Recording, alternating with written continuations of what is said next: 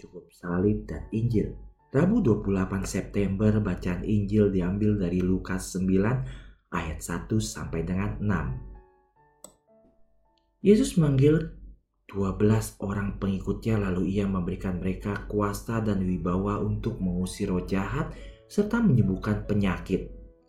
Setelah itu dia mengutus mereka pergi menyembuhkan orang sakit dan mengkabarkan berita tentang bagaimana Allah memerintah. Yesus berkata kepada mereka, "Janganlah bawa apa-apa untuk perjalanan kamu, baik tongkat, tas, sedekah, makanan, uang, walaupun dua helai saja. Di mana saja kamu disambut, tinggallah di rumah itu, sehingga kamu meninggalkan kota itu."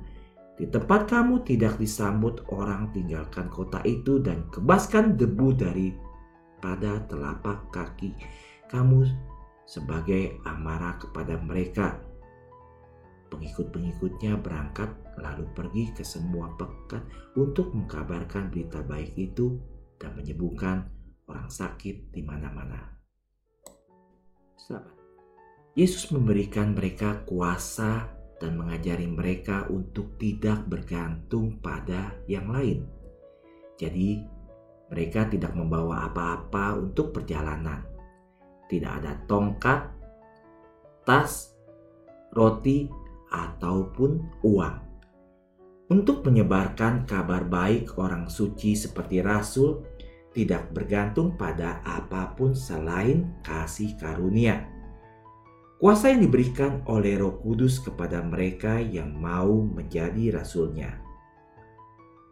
Suatu hari Santo Jose Maria pergi menemukan Manuel Valdez seorang mahasiswa kedokteran muda yang terbaring di tempat tidur karena infeksi tenggorokan yang menyakitkan.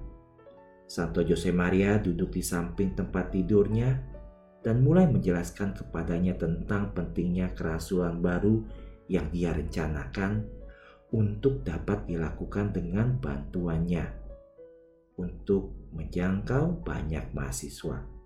Hmm, Mendengar ini, pasien bertanya-tanya, apa dasarnya sampai berpikir untuk melakukan seperti itu? Karena dia tidak bisa berbicara, dia mengambil secari kertas dan menulis. Tapi, bagaimana caranya? Santo Jose Maria mengambil selembar kertas yang sama dan menulis. Sama dengan yang dimiliki Petrus, Paulus, dan Dominikus, Fransiskus, Ignatius dan Saverius.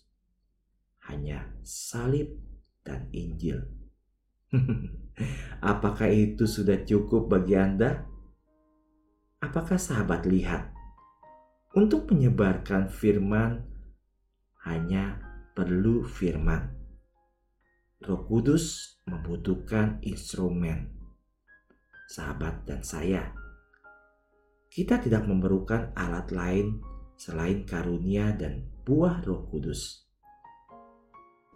Ketika Santo Jose Maria mengirim orang untuk memulai karya kerasulannya ke negeri asing, dia biasa berkata kepada mereka, "Anak-anakku, maafkan aku.